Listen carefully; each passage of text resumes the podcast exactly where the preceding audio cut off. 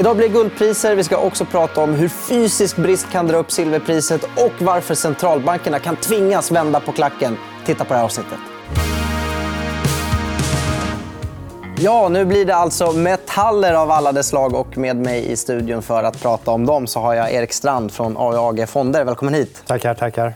Eh, vi ska prata guld, silver, metaller i allmänhet, gröna metaller och centralbanker. Det är mycket att hinna med. Eh, ungefär i den ordningen blir det. Så vi börjar med guldet som just nu är uppe och nosar på all time highs. Vad är det som driver guldpriset just nu?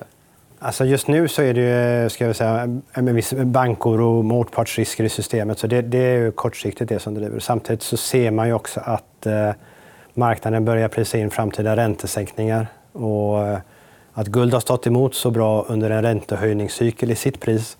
Eh, och sen den, det kommande från Fed är räntesänkningar. När de än kommer, även om det dröjer lite eller inte dröjer, Eh, så kommer ju guldpriset flyga. och Det är väl det marknaden många vill positionera sig inför. det.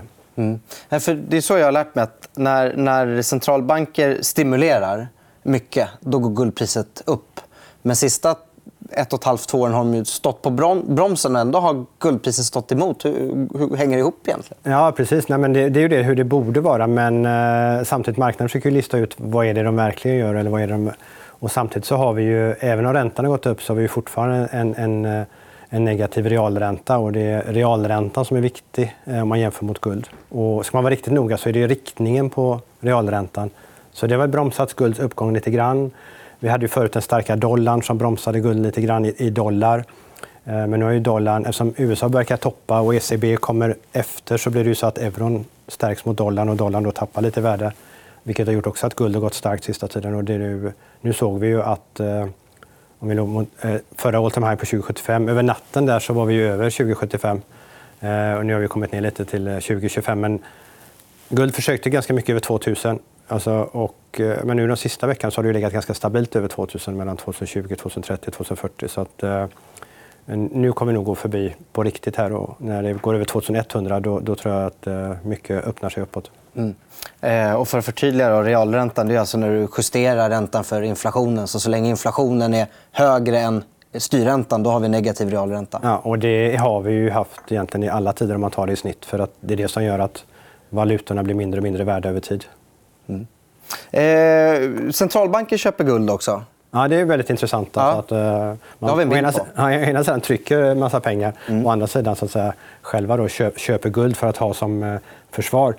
Uh, och det, det lärde man sig lite i finanskrisen. att uh, Det gäller att stå stark som centralbank när det blir riktigt blåsigt. och man skulle väl kunna tro att centralbanken är lite rädda för nästa kris. och då är det lite lustigt att det kanske är de själva som skapar den genom att göra först en bubbla och sen så poppar bubblan eh, själva. Ja. Och, och, så blir det en kris och så måste man stimulera igen. Och, och som sagt på bilden här så ser vi ju hur eh, centralbanken har varit eh, stora nettoköpare i princip sen finanskrisen. Är det röda nettoköp? Eh, nej, där har vi då hur mycket ton... Eller, eh, där har du nettot, eh, köpet såklart. Och sen har du då varje kvartal här nere i de gröna staplarna. Eh, och då ser vi att Q3 och Q4 förra året var de största köpen någonsin. Men även över hela den här perioden har man varit eh, nettoköpare. Och Q1, då, som är det mörkgröna, som den här är inne på, är det största eh, nettoköpet för ett Q1. Så det är väldigt starka eh, centralbanksköp och det här är klart förstärker marknaden. Och man kan ju undra lite varför de köper så mycket guld. Och därför kanske vi alla borde äga lite mer guld också.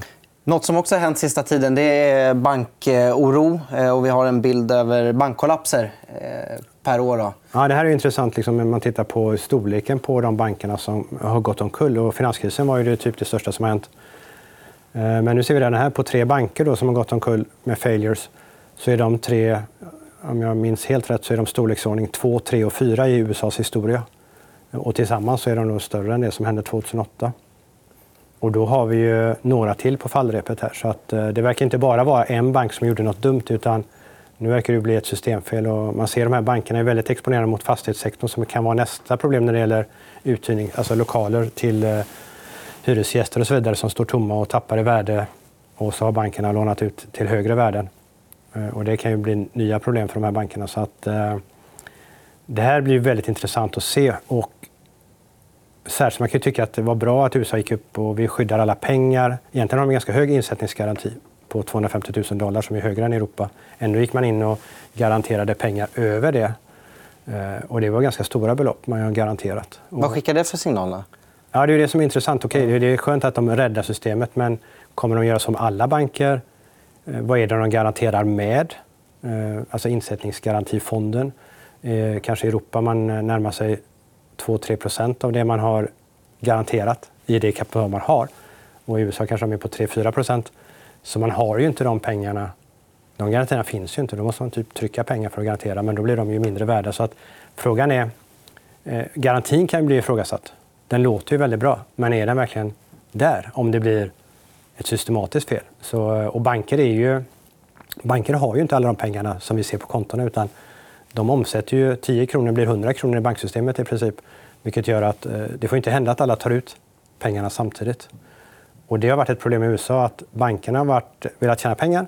Så man har gett väldigt lite ränta till sina bankkonton. En halv procent kanske, en procent. Och sen har du kunnat köpa korta statspapper med 5 procents ränta mm. med, och ingen risk. Och, eh, och, det är klart, då, när kunder flyttar pengar från bankkontot till de här korta räntepapperna, då blir det som ett uttag.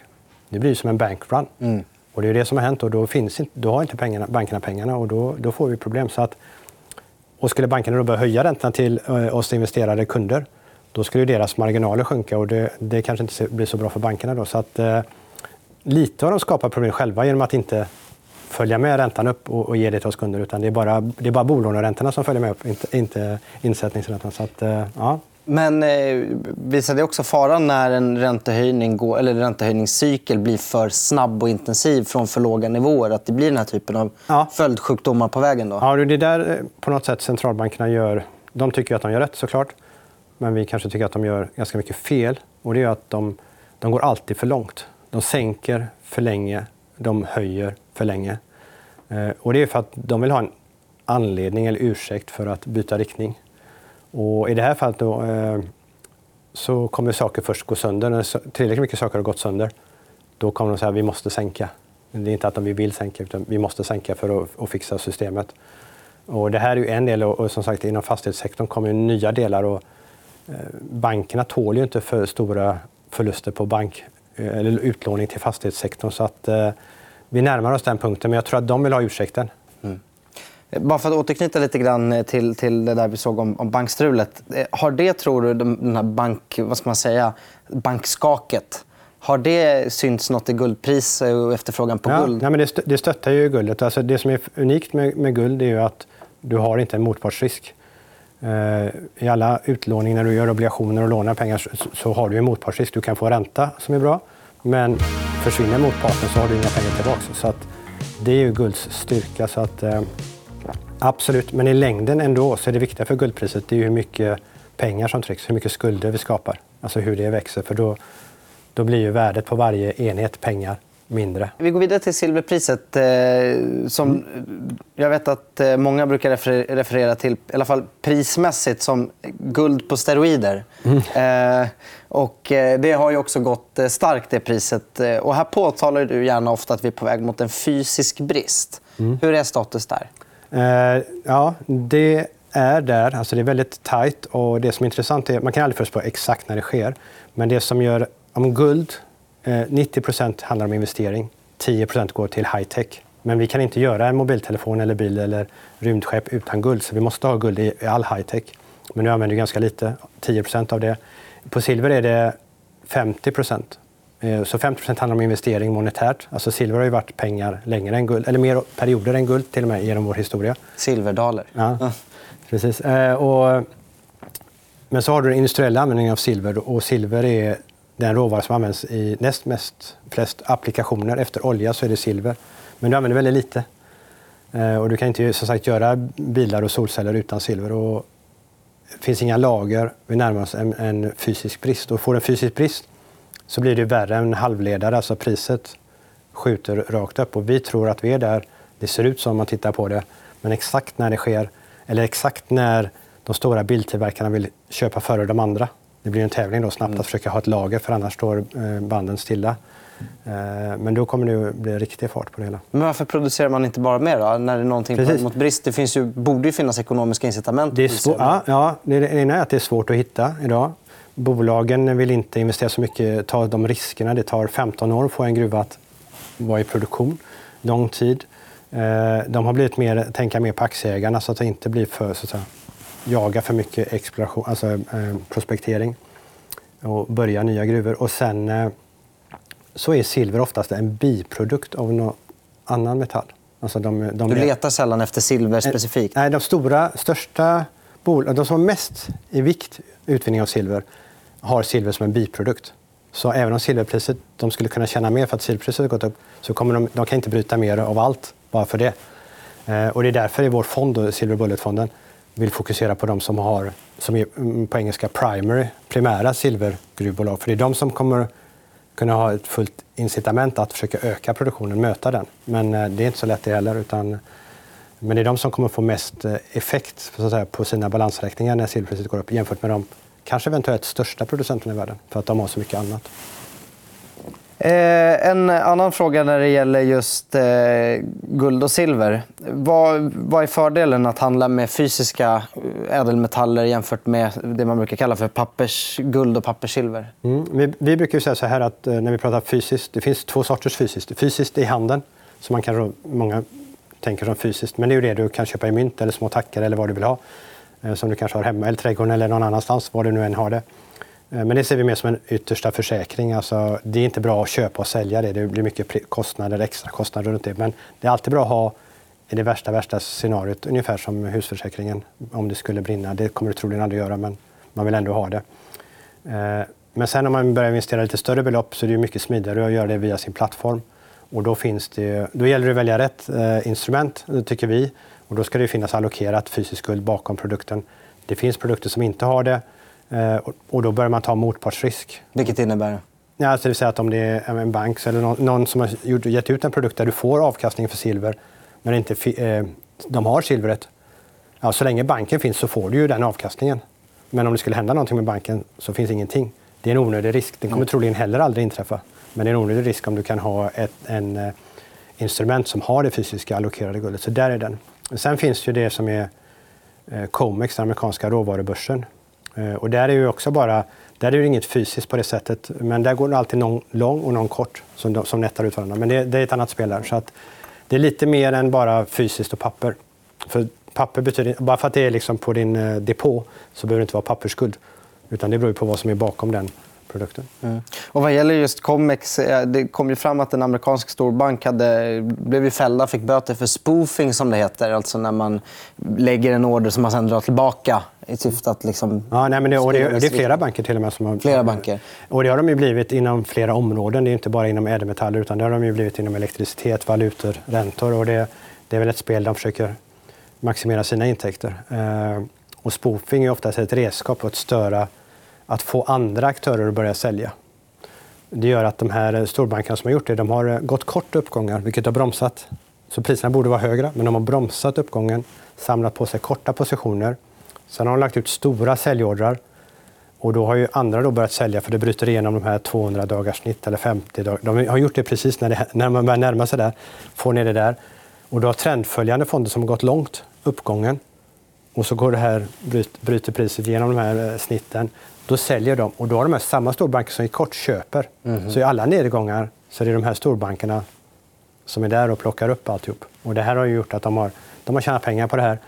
Eh, Men vi ser ett slut på det, för den, den bank som du nämnde där som har fått stora böter eh, ser ut att vara fysiskt långa nu och att eh, de har smålurat en annan bank att gå konkurs. att, eh, att de börjar lura varandra, fiskarna. Alltså, det finns alltid en större fisk. Eh, men att vi, vi närmar oss slutet på den här resan och det, det skulle få priserna att, att bli mer fria och också vara en, en möjlighet att komma in idag. För utan detta så tror vi att priserna har varit klart högre. Så om man ser det positiva är det så att eh, tack vare det så kan man komma in på en ganska låg prisnivå nu och få en, en engångs extra avkastning om det där tar slut. Då. Mm. Lite Paradise Hotel-känsla när de lurar varandra. Så. ja. ja, men så blir det. vi Jag gillar att ta över varandra och köpa varandra för en, en dollar eller pund eller vad det nu är. Det, det... det är roligt. Ja. Vi går vidare till eh, metaller i allmänhet. Eh, ni har lanserat en ny fond som investerar i, i alla möjliga metaller. Och då blir jag, tänker jag, så här, men tajmingen där och vara exponerad mot koppar, järnstål som man tycker är konjunkturellt påverkade metaller rätt in i vad som många spår är på väg att bli en lågkonjunktur? Ja, det, det kan man fundera på om det, om det, är helt rätt eller inte. Men, eh, för oss är det så att eh, våra andra fonder är ändå ganska eh, nischade, fokuserade på någon form av metall, om det är silver eller guld. Vi ville ha en, en fond som fångar upp alla metaller, för alla metaller är väldigt intressanta av lite olika anledningar. Och då blev det, det Essential Metals, AUAG Essential Metals, som är både då industriella metaller och de eh, metaller som kanske behövs i den gröna omställningen. Så det är brett en, en råvarufond eh, med bolag, men som inte har olja och gas och inte har eh, livsmedel och boskap. Så vi ändå, men ändå alla metaller så att alla kan känna att okay, men det är lite stabilare, kanske lite säkrare. Och smeknamnet är Dr. Copper. Och det är ett, ett, eh, begrepp för konjunktur. Att kopparpriset brukar liksom visa vart konjunkturen ska. Eh, sen tror inte vi så mycket på en riktig lågkonjunktur utan vi tror ju på att tillräckligt mycket i systemet har gått sönder. Centralbankerna kommer ut som eh, White Knights, vita riddare och räddar systemet igen och liksom får applåder för det. Och om inte annat så kommer stater också börja stimulera för att eh, eh det är inte många politiker som överlever tuffa eh, recessions. Alltså det, så det, vi, vi tror att man eh, det blir väldigt, väldigt kortvarigt och att marknaden snabbt börjar ana eh, räntesänkningar, stimulanser eh, och att man håller konjunkturen igång. Men kan de det även om inflationen är hög? Jag tror att de kommer att släppa inflationen. De ger upp och får ja, ner den? Ja, det, jag tror att, för jag tror också att eh, räntan är inte rätt redskap för att få ner inflationen. För att vi har haft en inflation som är låg för att vi under 30 år har gjort, producerat billigare genom att flytta arbeten från, från väst till mindre länder nära väst, men som är mm, ja, inte riktigt västländer. Och sen så har vi flyttat det längre och längre ut, bort till Kina. Och sen blir Kina för dyrt, och så blir det Vietnam och så blir det något annat som är ännu billigare. Men det är slut där, liksom. det är bara vatten sen. Och, och det gör att det, saker kommer bli dyrare att producera. Eh, och samtidigt så ser vi då i Kina och Indien att medelklassen blir större, har mer pengar och i slutändan kommer de ju i den enorma volymen av människor och pengar börja konkurrera om samma saker. Och det är ju världsmarknadsprisen då att det kommer också driva på en inflation. Eh, och att höja räntor för att vi i väst ska typ konsumera mindre, det tror jag inte vi eh, biter. Så att eh, man är nog en liten rävsax här och kanske måste acceptera en högre inflation. Mm.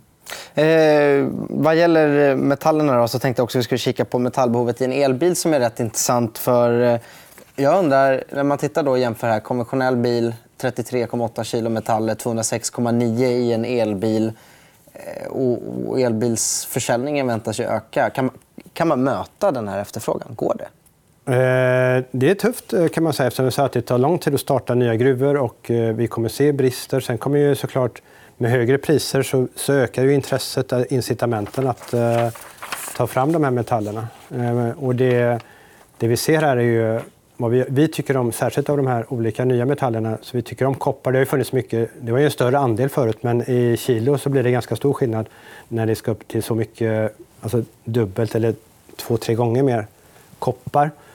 Eh, litium är ju jättestort också då, som ska upp mycket mer och lite andra metaller.